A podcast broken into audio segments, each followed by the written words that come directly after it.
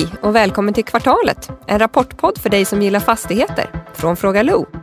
I detta avsnitt hör vi Annika Ånäs, VD för Atrium Ljungberg, kommentera bolagets rapport för andra kvartalet 2021. Intervjun görs av Sverige Tool och spelas in på Beppo. Atrium Ljungberg AB utvecklar och förvaltar kommersiella fastigheter i Sveriges tre största städer. För andra kvartalet 2021 gjorde bolaget en vinst om 1,1 miljarder kronor efter skatt, motsvarande 9 kronor per aktie. Driftnettot blev 388 miljoner kronor och förvaltningsresultatet 290 miljoner kronor. Överskottsgraden hamnade på 69 procent.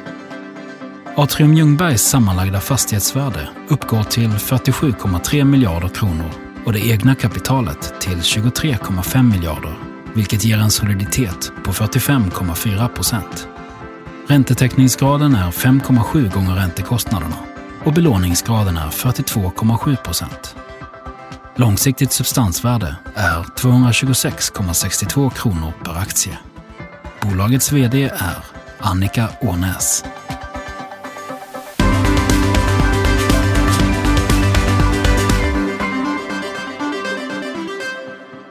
Hej Annika, välkommen till kvartalet. Tack så mycket. Kul att ha dig här. Jättekul att vara här. Mm. Hur mår du? Jag mår riktigt, riktigt bra. Efter en sån här kvartalsrapport kan man inte göra annat. Och sen har jag inte många dagar kvar till semestern. Så det sammantaget gör ju livet fantastiskt. Härligt att höra. Du, du känner Niklas Höglund på JLL. Det gör jag. Mm. Han har gjort en liten snabbanalys av rapporten. Mm. Så vi ska få höra nu. Och, och sen går vi vidare efter det. Yes. Snabbanalysen när det gäller Atrium Ljungberg bör man ju liksom justera för att Atrium faktiskt skickade en pressrelease förra veckan där man kommenterade kring sitt starka resultat för projektutveckling. Eh, så det har ju analytikerna med sig in i dagens rapport. Eh, rapporten bekräftar ju att covid-rabatterna eh, minskar även om det var någon miljon mer i, i andra kvartalet mot första kvartalet, vilket en del analytiker blir lite förvånade kring. Men trenden är ju betydligt bättre och utsikterna när det gäller covid-rabatterna är, är ju såklart ljusare. Men det här är någonting som faktiskt tyngde marknadens syn lite grann på morgonkanten när rapporten släpptes i alla fall. Omvärderingen från projekt och kassaflöden smäller verkligen till i Atrium och det bidrar med mer än 3% i kvartalet och 4% sedan årsskiftet. Så vi har en, en, en tydlig positiv säsongseffekt i andra kvartalet. Och det här gör att substanstillväxten landar på 6% sedan årsskiftet och hela 13 procent upp mot förra året, någonting jag går igång på. Och det är ju inte, får ju inte bolaget alls betalt för på börsen och där har man ju handlat med en rabatt idag på, på cirka 10 procent. Bolaget pressas ju delvis av sin retail-exponering men detaljhandeln idag står för endast 20 av portföljen. Eh, också någonting som jag tycker är värt att, att liksom lyfta fram, det är ner betydligt eh, de senaste åren, eh, mixfaktorer som man har ju sålt av. Eh, hyrestillväxten är ju positiv för kontorsdelen med hela 1,5 procent och det ger ju också mer smak för de eh, återstående 80 procent. Sen är ju hyrestillväxten negativ i kvartalet, eh, någonting som jag såg att, att det och andra lyfter fram, men det är ju för att man har sålt en del fastigheter. Projektportföljen är den viktigaste drivaren för Atrium Ljungberg. Man har då projekt för 38 miljarder varav 2 miljarder ligger i balansräkningen. Så det finns ju en hel del eh, kvar att plocka fram när det gäller projektpotential. Eh, och med den här eh, omvärderingen som de nu visar i Q2 så ger det mig definitivt mer smak. Man behöver inte göra någon slags blue sky-analys för att hitta övervärden. Tvärtom. Pipelinen är lite baktung, eh, så det är skönt att se att det redan nu händer saker. Eh, 40 procent av pipelinen är också kopplat till bostäder och vi vet ju alla hur hett det är på börsen och eh, man kan säga att, att det kommer se bättre ut för Atrium på en redan relativt stark bas som de inte får betalt för på börsen. Kan man säga att Atrium är back on track efter pandemin? Nej, men det är en så pass bra rapport att vi till och med var tvungna att gå ut med en positiv vinstvarning innan rapporten släpptes. Mm. Eh, och det var första gången som jag fick vara med om det. Det var mm. ju jättespännande. Mm. Eh, och det betyder då att eh, analysen utifrån vad marknaden förväntar sig och vårt egna resultat så såg vårt resultat lite för bra ut. Och det är just kopplat till den bostadsrättsutvecklingsvinst som vi tar i det här kvartalet. Mm. Mm. Och om man, om man tittar på rent generellt, för det är ju, ni har ju oförtjänt eller inte liksom haft en, en eh, krisstämpel kanske är lite starkt ord, men ändå folk har varit lite oroliga för att ni har ju en exponering mot handel och det är många som klassar Atrium Ljungberg som ett handelsbolag. Även om ni, ni själva är väldigt duktiga på att påpeka att ni har mer kontor än handel. Och hur har det känts så här året? Eller 14 månaderna, 16 månaderna kanske. Som det är. Nej, men det är klart att när man går in i en kris som det var, en pandemi som vi inte visste vilka spår det skulle sätta för oss som bolag, för Sverige, för världen, eh, så går man ju in i ett helt annat fokus som blir mer kortsiktigt. Eh, mm. Vi gjorde enormt mycket analyser utifrån vad tål vi? Eh, vad tror vi om framtiden? hur ska vi agera utifrån det? Mm. Och det är då man mår väldigt bra av att man har ett bolag som finansiellt är väldigt stabilt.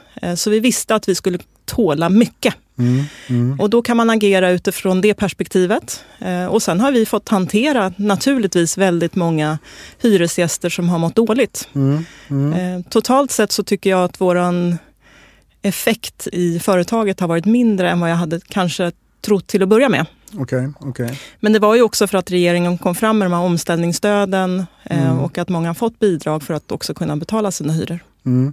Hur mycket har Atrium behövt ge i rabatter? Sen pandemin fram till nu så är det ungefär 50 miljoner kronor som okay. vi har lämnat rabatter och det är klart att det är väldigt mycket pengar. Mm, mm. Men eh, kortsiktigt så är det det, men långsiktigt så kan det ju vara värt det. Nej men absolut, det handlar ju om ett samarbete och samverkan mellan oss som hyresvärd och hyresgäster. Mm. Eh, sen var du lite inne på det här med att vi har uppfattats mycket som ett fastighetsbolag med mycket retail.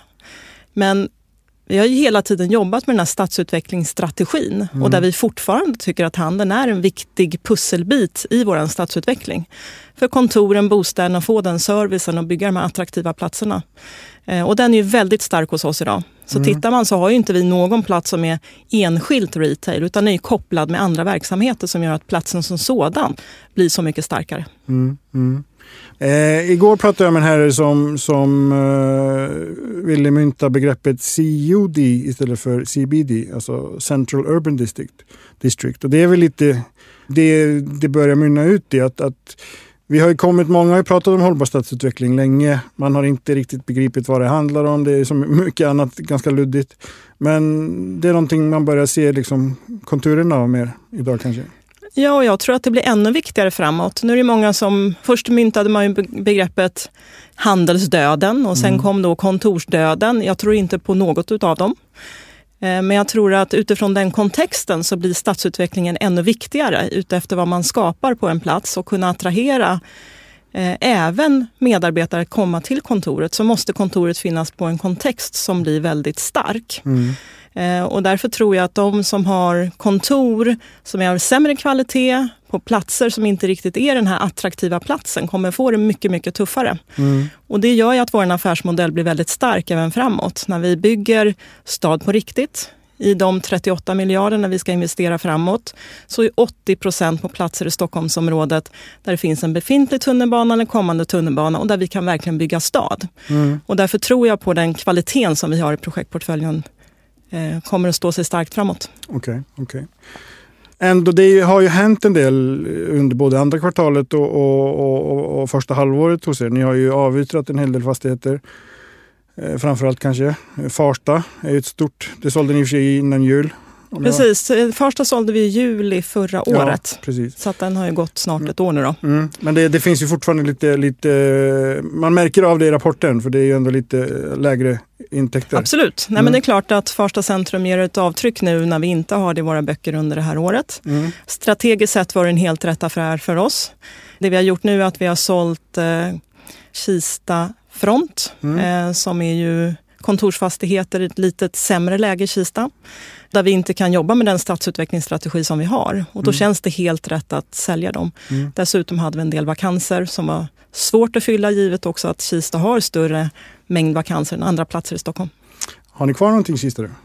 Vi har två andra fastigheter kvar. Det är Kista Nord och Kista Plus. Mm. Eh, och där vi har en god uthyrningsgrad. Och de fastigheterna ligger strategiskt lite bättre till i Kista. Okej, okay, okay. så de håller ni, kommer ni hålla kvar? Ja. Givet läget idag? Mm. Okej. Okay.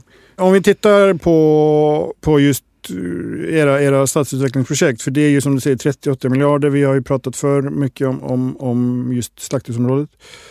Eh, det är ju rätt mycket pengar som ni har som ni sysselsätter. Om man säger så. Mm. Hur, hur liksom, går allting enligt plan där eller har ni, är ni före eller efter någonstans? Just vad gäller slakthusområdet? Nej, rent generellt. generellt. Men, ja. Nej, men vårt mål är att investera 2 miljarder om året i egna utvecklingsprojekt. Mm. Eh, och tittar man nu i rapporten så ligger vi precis över en miljard på halvårsskiftet. Det betyder att vi taktar precis enligt plan.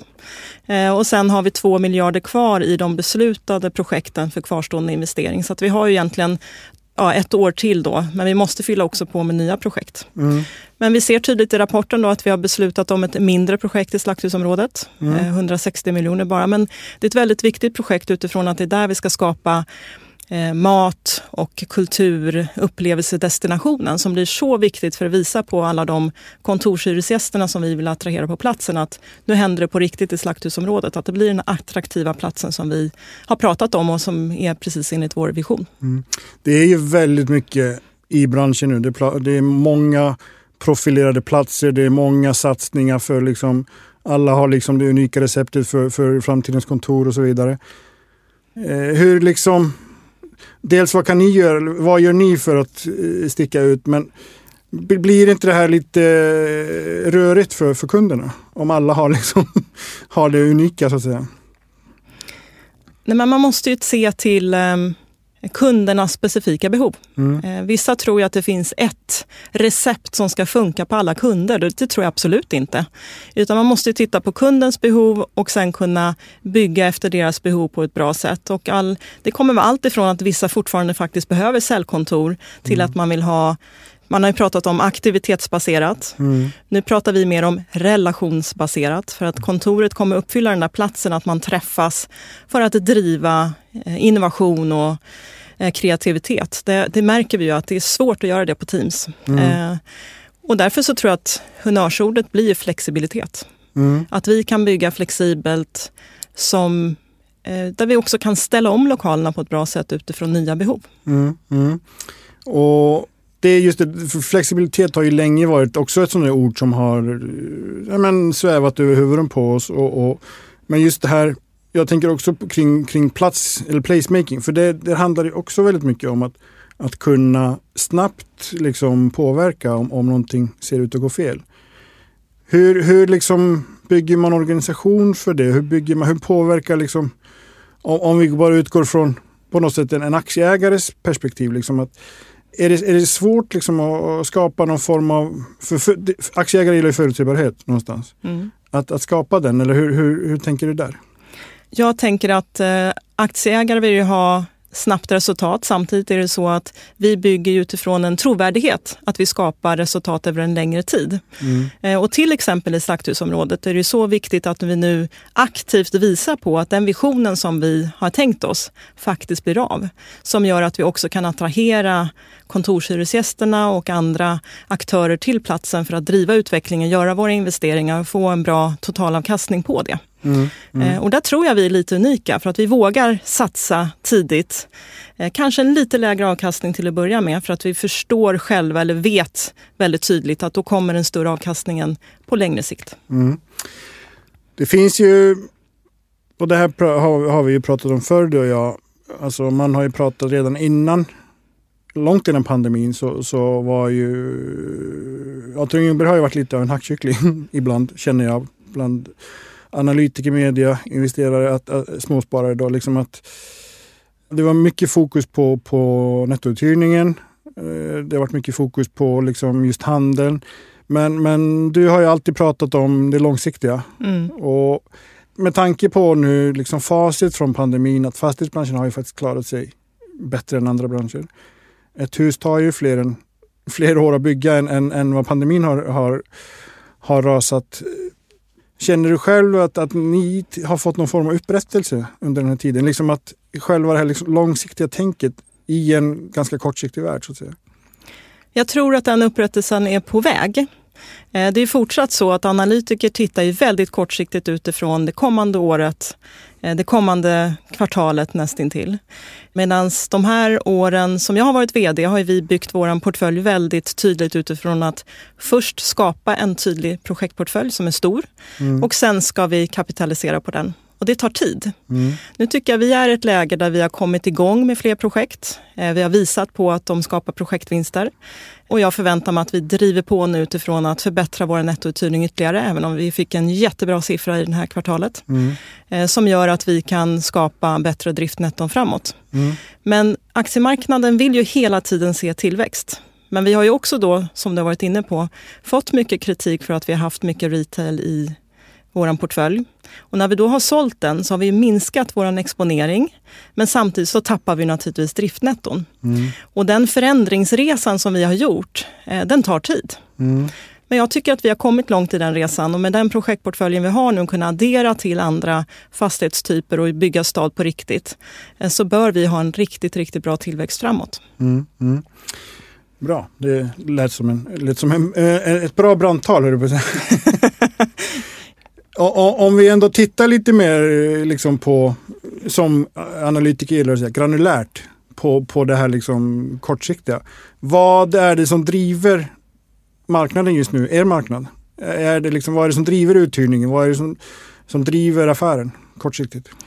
Nej, men tittar man på det enskilda kvartalet så är det två saker som jag vill lyfta. Dels är det ju nettouthyrningssiffran på plus 17 miljoner. Trots att vi hade en ganska stor eh, uppsägning där en eh, hyresgäst i ett projekt eh, nyttjade en option och sa upp 4 000 kvadrat. Mm. Eh, så det är en jättestark nettouthyrningssiffra. Men det man också ser det är utifrån den värdeförändringen vi har på nästan en miljard i kvartalet. Och till 70 procent är den driven av arbete som vi har gjort själva. Både kopplat till ökade kassaflöden men också projektvinster. Mm. Eh, så de två siffrorna tillsammans är jag otroligt nöjd med. Mm. Okay, okay. Ni har ju koncentrerat bolaget lite, är ju känslan lite grann senaste åren. Ni har eh, utökat i och för sig med att liksom lägga till Göteborg som, som en marknad, men det är ju verkligen Stockholm, Göteborg, Malmö, Uppsala.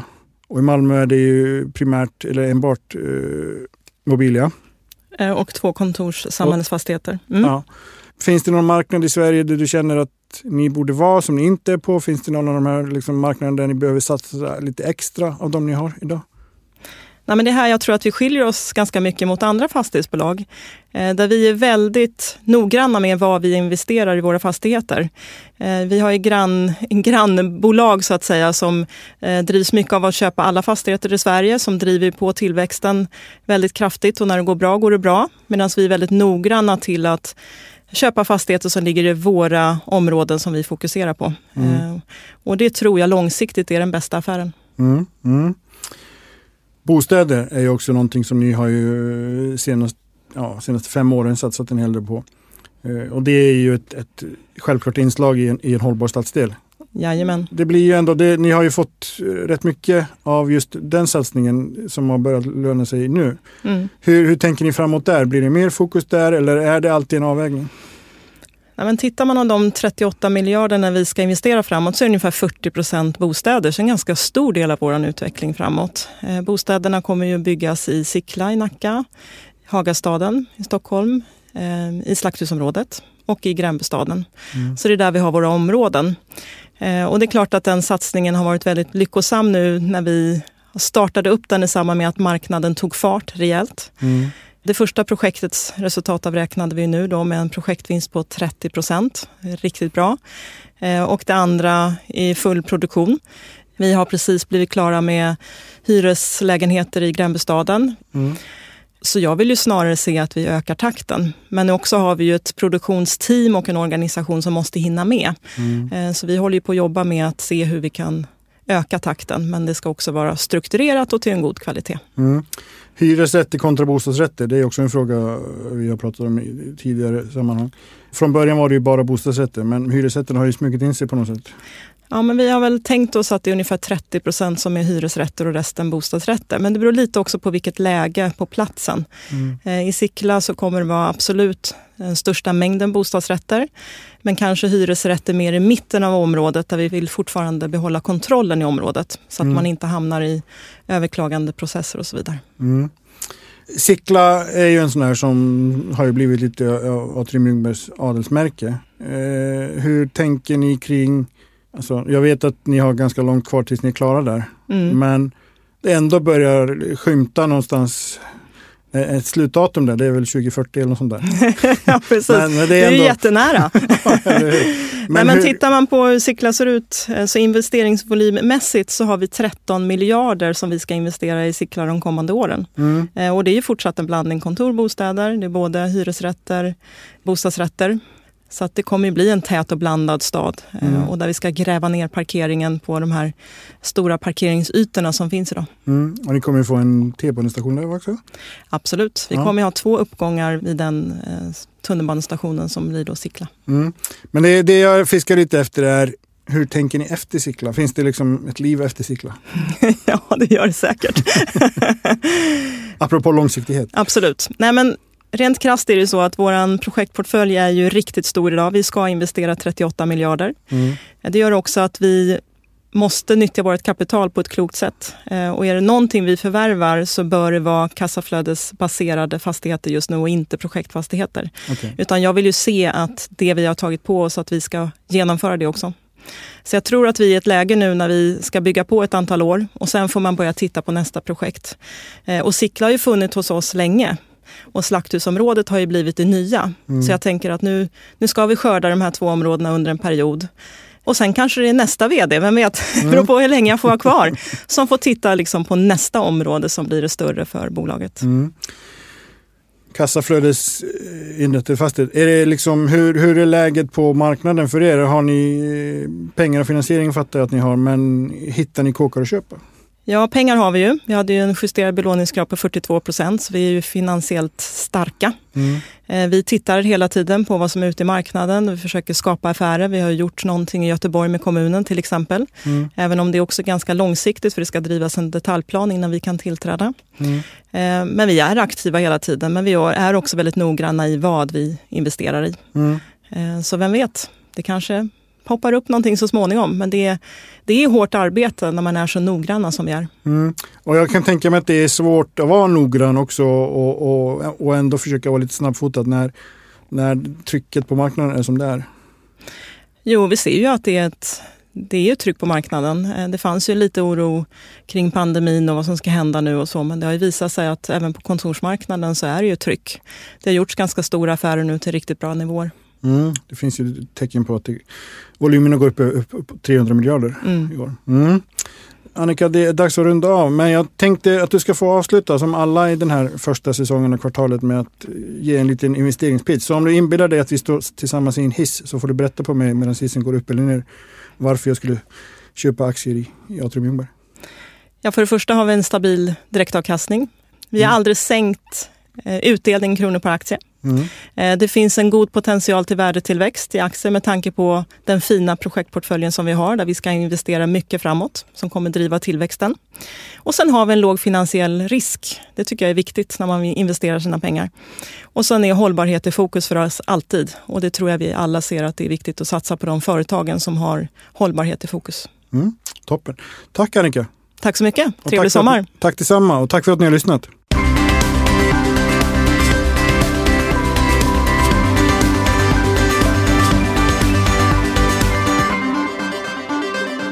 Det här programmet görs på Beppo. Beppo.